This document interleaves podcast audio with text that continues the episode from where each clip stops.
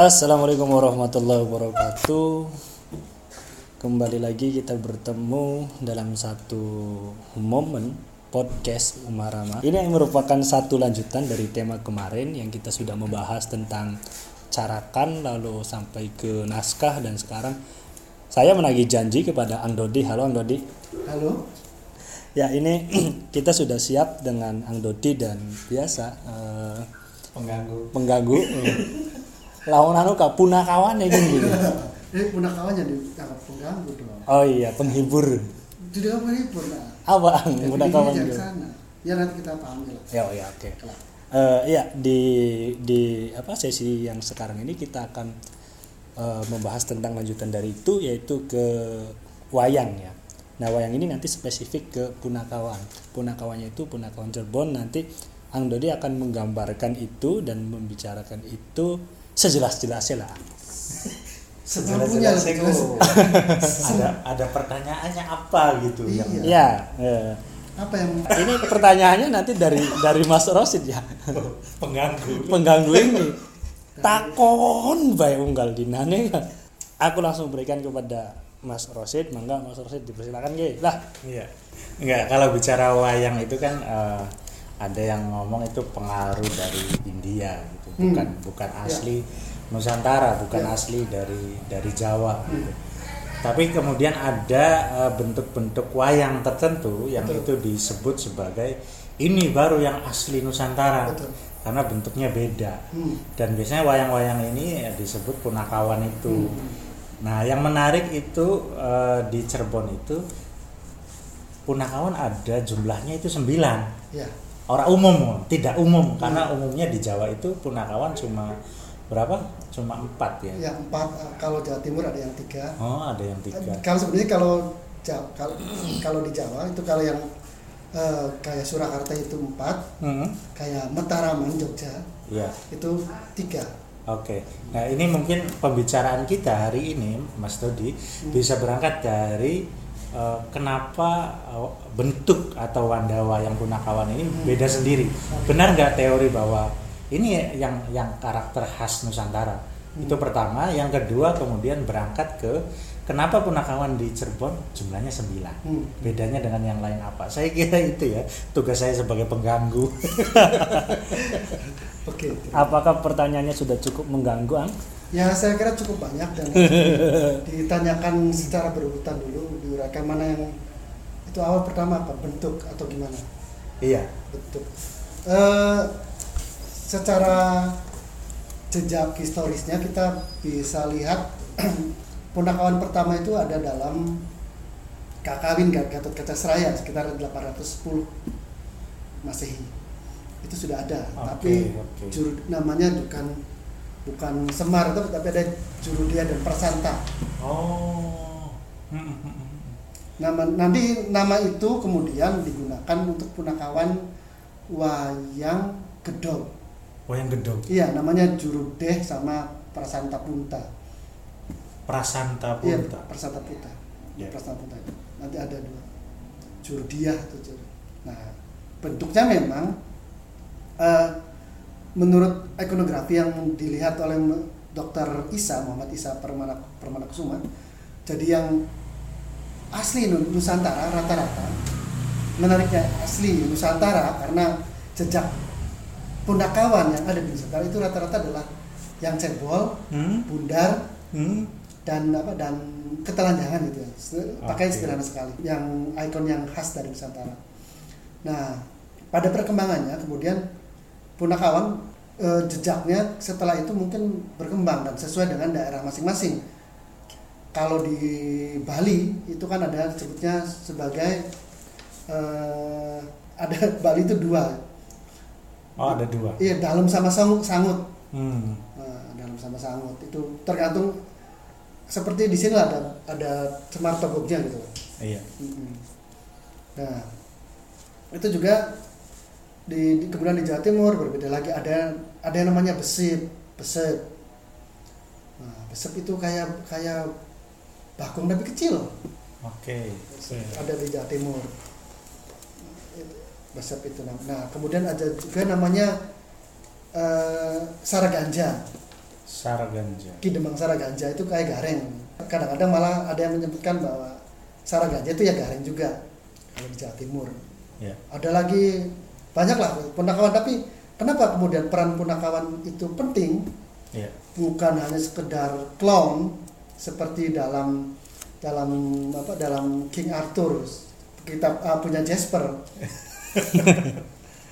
punya badut yang bernama Jasper itu dia Iya. bukan hanya hanya bahan lelucon tapi dia juga menjadi bahan kontrol Oke. bagi oke. para apa para pangerannya ini para yang apa para yang apa, Ksatria. kesatria yang dia dia Hmm. dia apa dia nunuti itu dia ikuti jadi yang dia abdi itu sebagai abdi dia punya kekuatan lebih bahkan Hmm.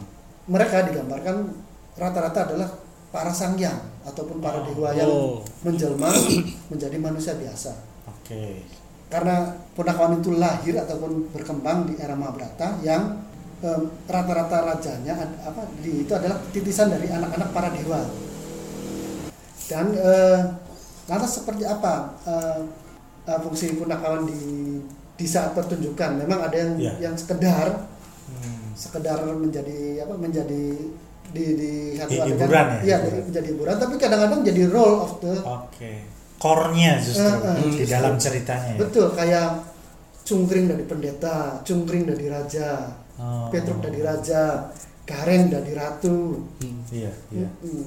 macam-macam jadi jadi menarik kan ketika itu dan dan itu yang kalau dalam dalam seperti lakon carangan Oke. nah da- dalam lakon carangan itu nanti di situlah eh, para dalang itu memasukkan pengetahuannya secara maksimal Oh. dia ber, jadi di situlah apa kemampuan dalang kita bisa mengetahui kema, sem- sejauh mana pengetahuan dalang meng- mengenai sekitarnya karena. Ketika itu Oke. ada tafsir-tafsiran Oke. Mm-mm. kayak dalam lakon lakon Cungri di Ratu atau apa eh, Cuk Petruk jadi ratu itu disebutkan bahwa dia tidak tidak menjadi raja di daerah di Amarta atau di sekitar sekitar dan sekitarnya tapi di seberang pulau Hmm. di Borneo Di Oh. jadi imajinasi kita uh, digiring pada uh, apa digiring oleh dalang untuk melihat Iya. sekup yang lebih luas Hmm. dan kenapa kemudian berbicara tentang fisik fisik yang apa yang begitu yang begitu aneh kan ganjil ada yang kakinya gejik ada pincang ada yang tangannya dengkol Ben- Bentuknya bulat. bentuknya bulat bentuknya ada yang tinggi sekali Hmm. tinggi nah kalau yang asli menurut menurut eh, itu memang bentuk yang bulat-bulat itu tapi ada teori mbak teori yang menurutnya dugaan masih masih apa masih sangat lemah tapi ini menarik Iya. jadi ada dugaan bahwa tokoh-tokoh yang panjang-panjang ini kayak modelnya Petruk apa itu justru muncul di era eh, ketika sudah masuknya orang-orang asing orang-orang Eropa Oke. Iya, iya, iya. Ada fakta-fakta yang kita ketahui kita harus ketahui. Beberapa jangan dibayangkan orang kita ataupun elit-elit apa masyarakat kita pada saat melihat orang asing seperti kita saat ini. Iya. begitu wow ter, ter- senang oh boleh apa gitu. Terpesona. halo mister itu. Dan dihormati begitu tidak. Pada saat itu orang bule ya orang asing. Posisinya orang asing itu dalam tanda kutip ya se- seposisi dengan budak makanya ada beberapa kayak raja Panembahan Senopati Iya. itu memiliki budak budak yang mengolah eh, mengolah taman taman perburuan hutan perburuan Hmm. tempat apa tempat untuk eh, hutan hutan hutan apa hutan yang untuk khusus Berburu. ar- arena berburu hijau Hmm. nah, nah, itu salah satunya kemudian eh, beberapa kayak Sultan Cirebon Sultan Panembahan Ratu katanya juga memiliki seorang mungkin posisinya kayak konsultan luar negeri ataupun menteri luar negeri lah posisinya. itu orang Itali. Orang Italia. orang Itali. Dan ketika Jayakarta masih- masih menjadi bagian daripada kerajaan Cirebon yang menjadi pabeannya kepala bea cukainya itu orang Jepang. Orang Jepang. Luar biasa ya. Orang Jepang jadi posisinya jangan dibayangkan kayak sekarang gitu loh. Iya iya. Bisa menguasai dengan itu enggak. Tapi mereka posisinya ketika jadi penguasa pun masih di bawah kekuasaan elit lokal loh. Orang-orang kita. Iya iya. Nah, sebagaimana ternyata ada kemungkinan ada dugaan ini masih masih masih apa masih masih lemah tapi itu menarik. Jadi kayak toko Petruk itu ada ada kemungkinan itu dari kata pater pater Oh. atau pendeta, bapak, Hmm. bapak pendeta. Dan fisiknya kan memang sangat bule sekali, Iya. tinggi, mancung, ada ada kemungkinan dan lantas kenapa eh, di sana cuma satu? Mm-mm. yang fisiknya ada. Kalau di Cirebon ada ada mirip dengan Petruk. Itu ada namanya Duala, Duala Ceblok, dan Hmm. Bitarota Mm-mm.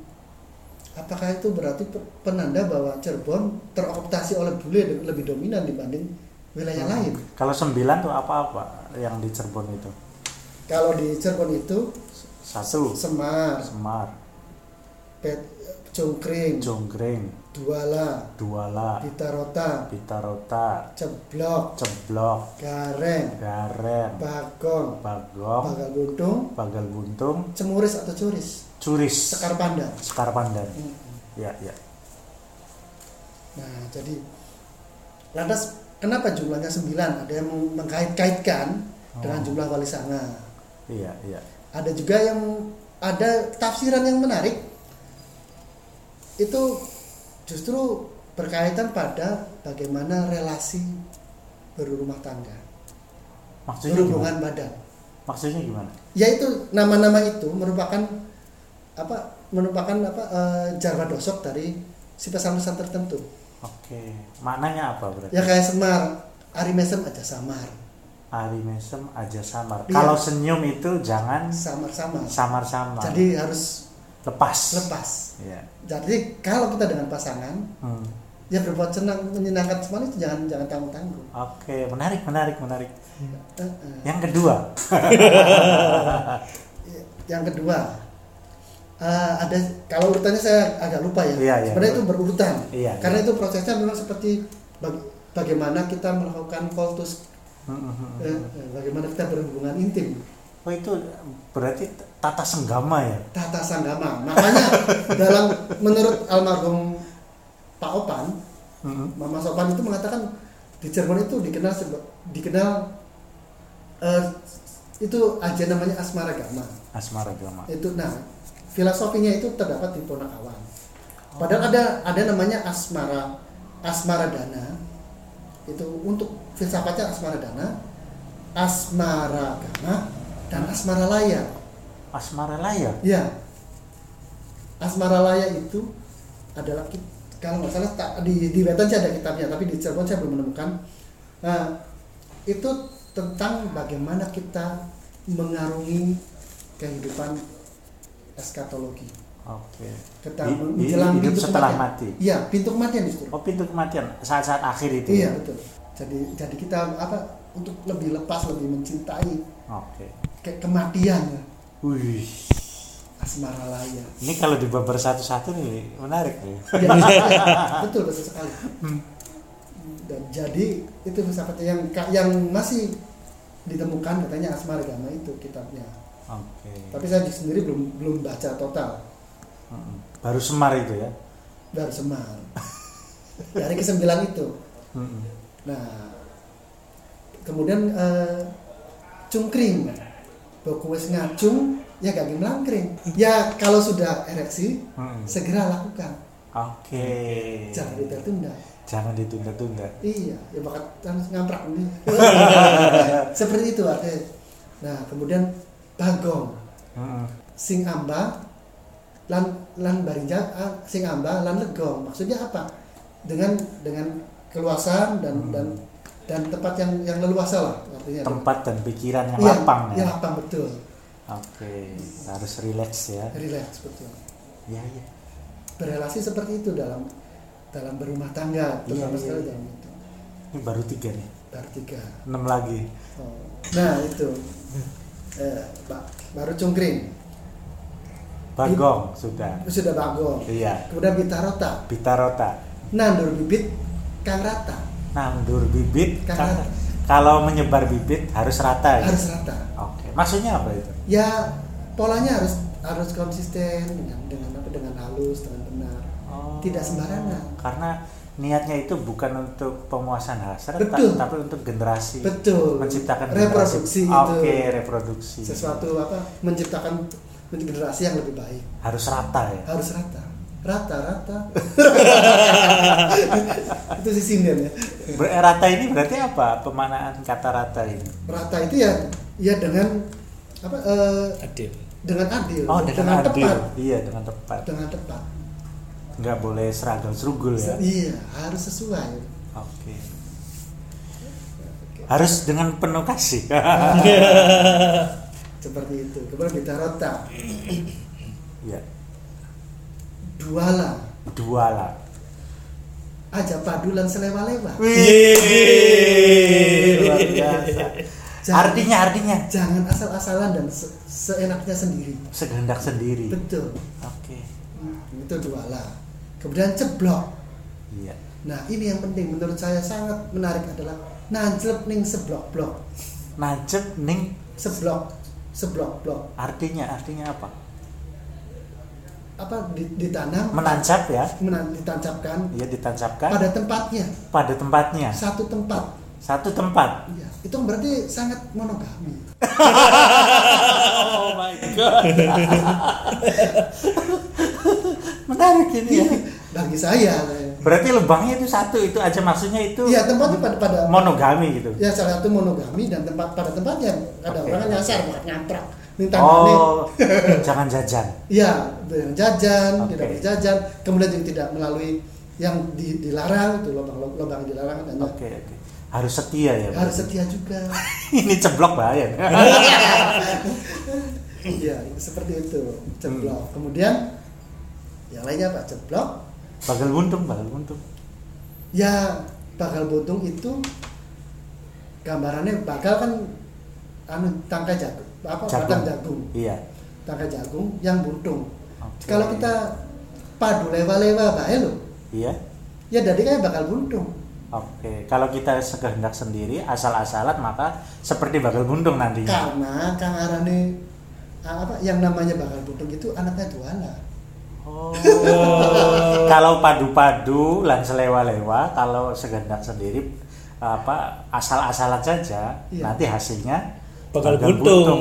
keturunan yang tidak baik itu ya Betul. maksudnya. Oh, Betul. eh, tapi itu digambarkan keturunan yang tidak baik secara fisik ya. Walaupun ini sebenarnya bisa Sebenarnya bisa macam bisa berarti macam-macam ya. Iya.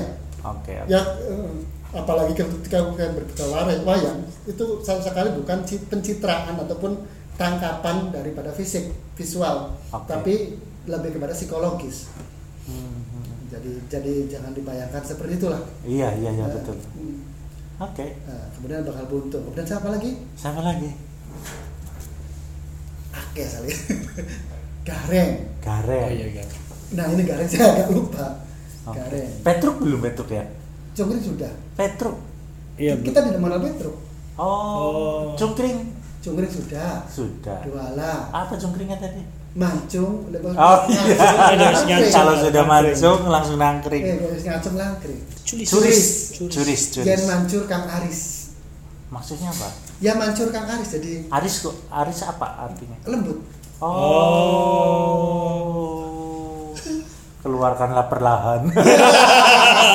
Jadi jangan tergesa-gesa. Jangan Slow. tergesa-gesa. Oke, oke. Jen mancur. Kang Aris. Kang Aris. Iya, Kang Aris. Pancuran Kang Aris ada bilang. Kalau ingin mengeluarkan lakukanlah dengan apa ya perlahan apa lembut ya Iya kayak betul. jangan tergesa-gesa Iya. Kang Aris Aris Fatullah. terus apa apa lagi Dit? Bakal buntung, bagong, udah ya. Hmm, Udah. udah Gareng, nah, gareng yang lupa. Garen Ya. Iya, itu, gareng saya, belum. saya yang lupa satu itu. Padahal itu maksa ma- filosofinya tentang urutan itu, tentang urutan itu. Saya lupa. Dan- Tapi selain tentang asmara gama, hmm? ada yang menyimpulkan bahwa itu sebagai representasi daripada wilayah kultural Cirebon. wilayah kultural. Iya. Iya. Oh, berarti masing-masing tokoh mewakili daerah A. Ah, representasi. Oke, oke. Itu bisa kita lihat pada suaranya, bah dan bahasa yang digunakan. Pa- Pada saat pertunjukan Betul. wayang. Hmm, kayak Semar kan biasanya tergantung terutama karena isinya adalah orang orang-orang eksik dan orang-orang yang itu yang ngomongnya bahasa ah iya anak putu kabe ah ada kata cak Itu suara Semar ya? Semar, itu, Iya, iya. itu standar Ya. standar. Nah, kalau ada yang kayak cungkring ataupun kadang-kadang ada dua lah nah, itu biasanya menggunakan bahasa Melayu Oh. Karena ada yang pakai Melayu Iya, iya. makanya anu be anu be saya lu hmm, awan nih pengen lu dodok saya oke terlibi Pakainya saya ya. saya terus babi hari babi lu Itu ber- berarti Melayu juga Betawi ya? iya jadi kan wilayah kerajaan Cirebon pada masa silam itu kan Oke. ke sana, ke sana Iya, iya. Sebelum kemudian di apa diambil Banten itu Iya, iya, iya. Oke. Kan, ah, ada. jadi kemudian itu kemudian ada representasi yang eh, daerah agak ke timur Hmm? Pak Inyongan Brebes, Tegal, Cilacap, Nah. Banyumas. iya Ya. itu ada gareng gareng nyong nih bapak tua apa cari nyong banget cari nyong suka terlalu dalam congkring nah itu ada lagi nah ada lagi yang kemudian mewakili lagi curis Hmm. itu dengan bahasa Dermayu Oke. Munda- memanggil Semar itu dengan peang Peang. katanya itu singkatan dari singkatan dari Iperean Hmm. Ipar saya karena memang Oke. curis itu adalah jelmaan daripada ipar Semar. Jadi jadi mulai peang aja menelan menunggu peang ngomong ah wong kumpulan aja menang baik Wong ngari ngari wis kumpul ku yang ngomong tak apa. Bakal bocah wis salah titik ya omongan Salah gede bentungan. Aja menelan baik ya.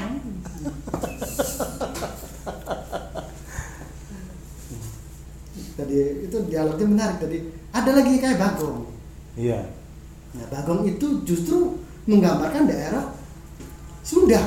Oh, Bagong tuh. Cirebon itu justru banyak Cirebon itu Oh. Bagongnya bahasa Sunda. Aneh ya? Nah. Eh, bukan aneh apa istilahnya? Unik. Unik. Iya.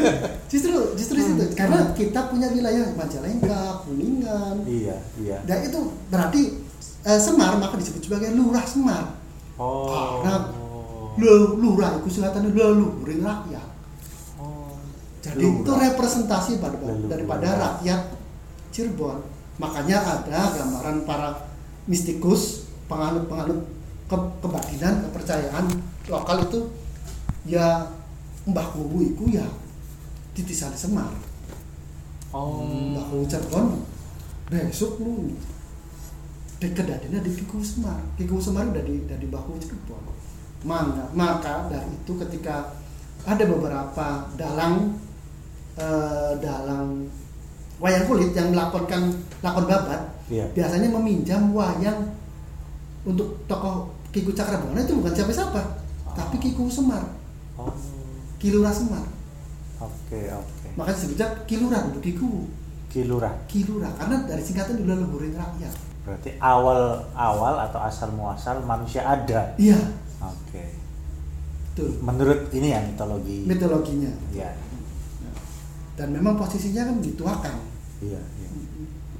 secara itu dan dia memimpin daripada Hmm. apa eh, seluruh masyarakat yang beragam kosmopolitan ini loh Oke, oke, oke. ada. Sunda Jawa Semuanya ada. iya Sunda Jawa dan kemudian Betawi ada dan suku-suku lagi lainnya. Jadi jadi seperti itu jadi. Ada tapi kayak bagong itu di bahasa Sunda. Ada menarik kalau Sunda. Hari wing mahnya cek wing. Dia bapak makan wae lah. Wes gang sih lho gak ngajak ngomong maning. nah dari sira lu urip ning kene ning ning kene selawas-selawas lu bisa ngomong kene Jawa siapa nite ya cek urang mah enak nah lu mijen ate anu China China amis. Wong banyu jamis sira sih. Dia bilang "Hah? Sa- nah mana goblok. Nah ki yang tuh banyak nih Mari ngobrol kulit makannya karo goblok. Wong batin bang sira sih ngajak saya banyu amis banyak deh apa pindang kan aja jadi jadi itu mewarnai bahwa bagaimana apa eh, keragaman kultur dan keragaman apa suku di Cirebon Iya. begitu kaya. Dan itu tergambarkan dalam wayang terutama pada punakawan punakawannya betul. Secara jelas. Secara jelas biasanya kalau dalang melakonkan ini dilakukan carang berarti? Atau bisa juga di se- hampir karena di Cirebon Hmm? eh, wayang itu didominasi pada pertunjukan eh, epos Mahabharata. Oke. Jadi otomatis nongol lagi nongol lagi nongol lagi. Dilakukan apa pun dia pasti nongol. Oke. Apalagi kalau kemudian lakon-lakon carangan yang memang tokoh utamanya adalah mereka. Iya iya. Maka otomatis sangat dominan ini justru yang eh, eh, lakon carangan yang tokohnya mereka punakawan justru lebih digemari ya oleh oleh masyarakat. iya iya karena ada ada persoalan ini sebagai representasi mereka oh iya iya bisa digambarkan di dalam bisa kita lihat pada pertunjukan wayang kulit Cirebon Hmm? Dorna Pendeta Druna yang sebagai guru para Pandawa dan Kurawa itu tidak ada apa-apanya. Sama Cungkring. Iya. Sampai di aniaya di ditelanjangi di oleh Cungkring. Itu kan menarik sekali bagi saya. Karena kebetulan sekali ikonografi wayang Cirebon Dorna itu menggambarkan dengan ketu. Oh. topong-topong apa topong-topongan. Sepaket-paket peci Iya. tarbus. Iya. Buk dengan tarbus itu kan menurut Kang sebetulnya karena kebetulan dia tesisnya tentang Dorna Kang Isa itu ada gambar tarbus itu jadi khas sekali. Oke. Walaupun sebenarnya itu bukan monopoli hanya wayang Cirebon yang menggunakan Dorna tarbus tapi sangat identik. Hmm?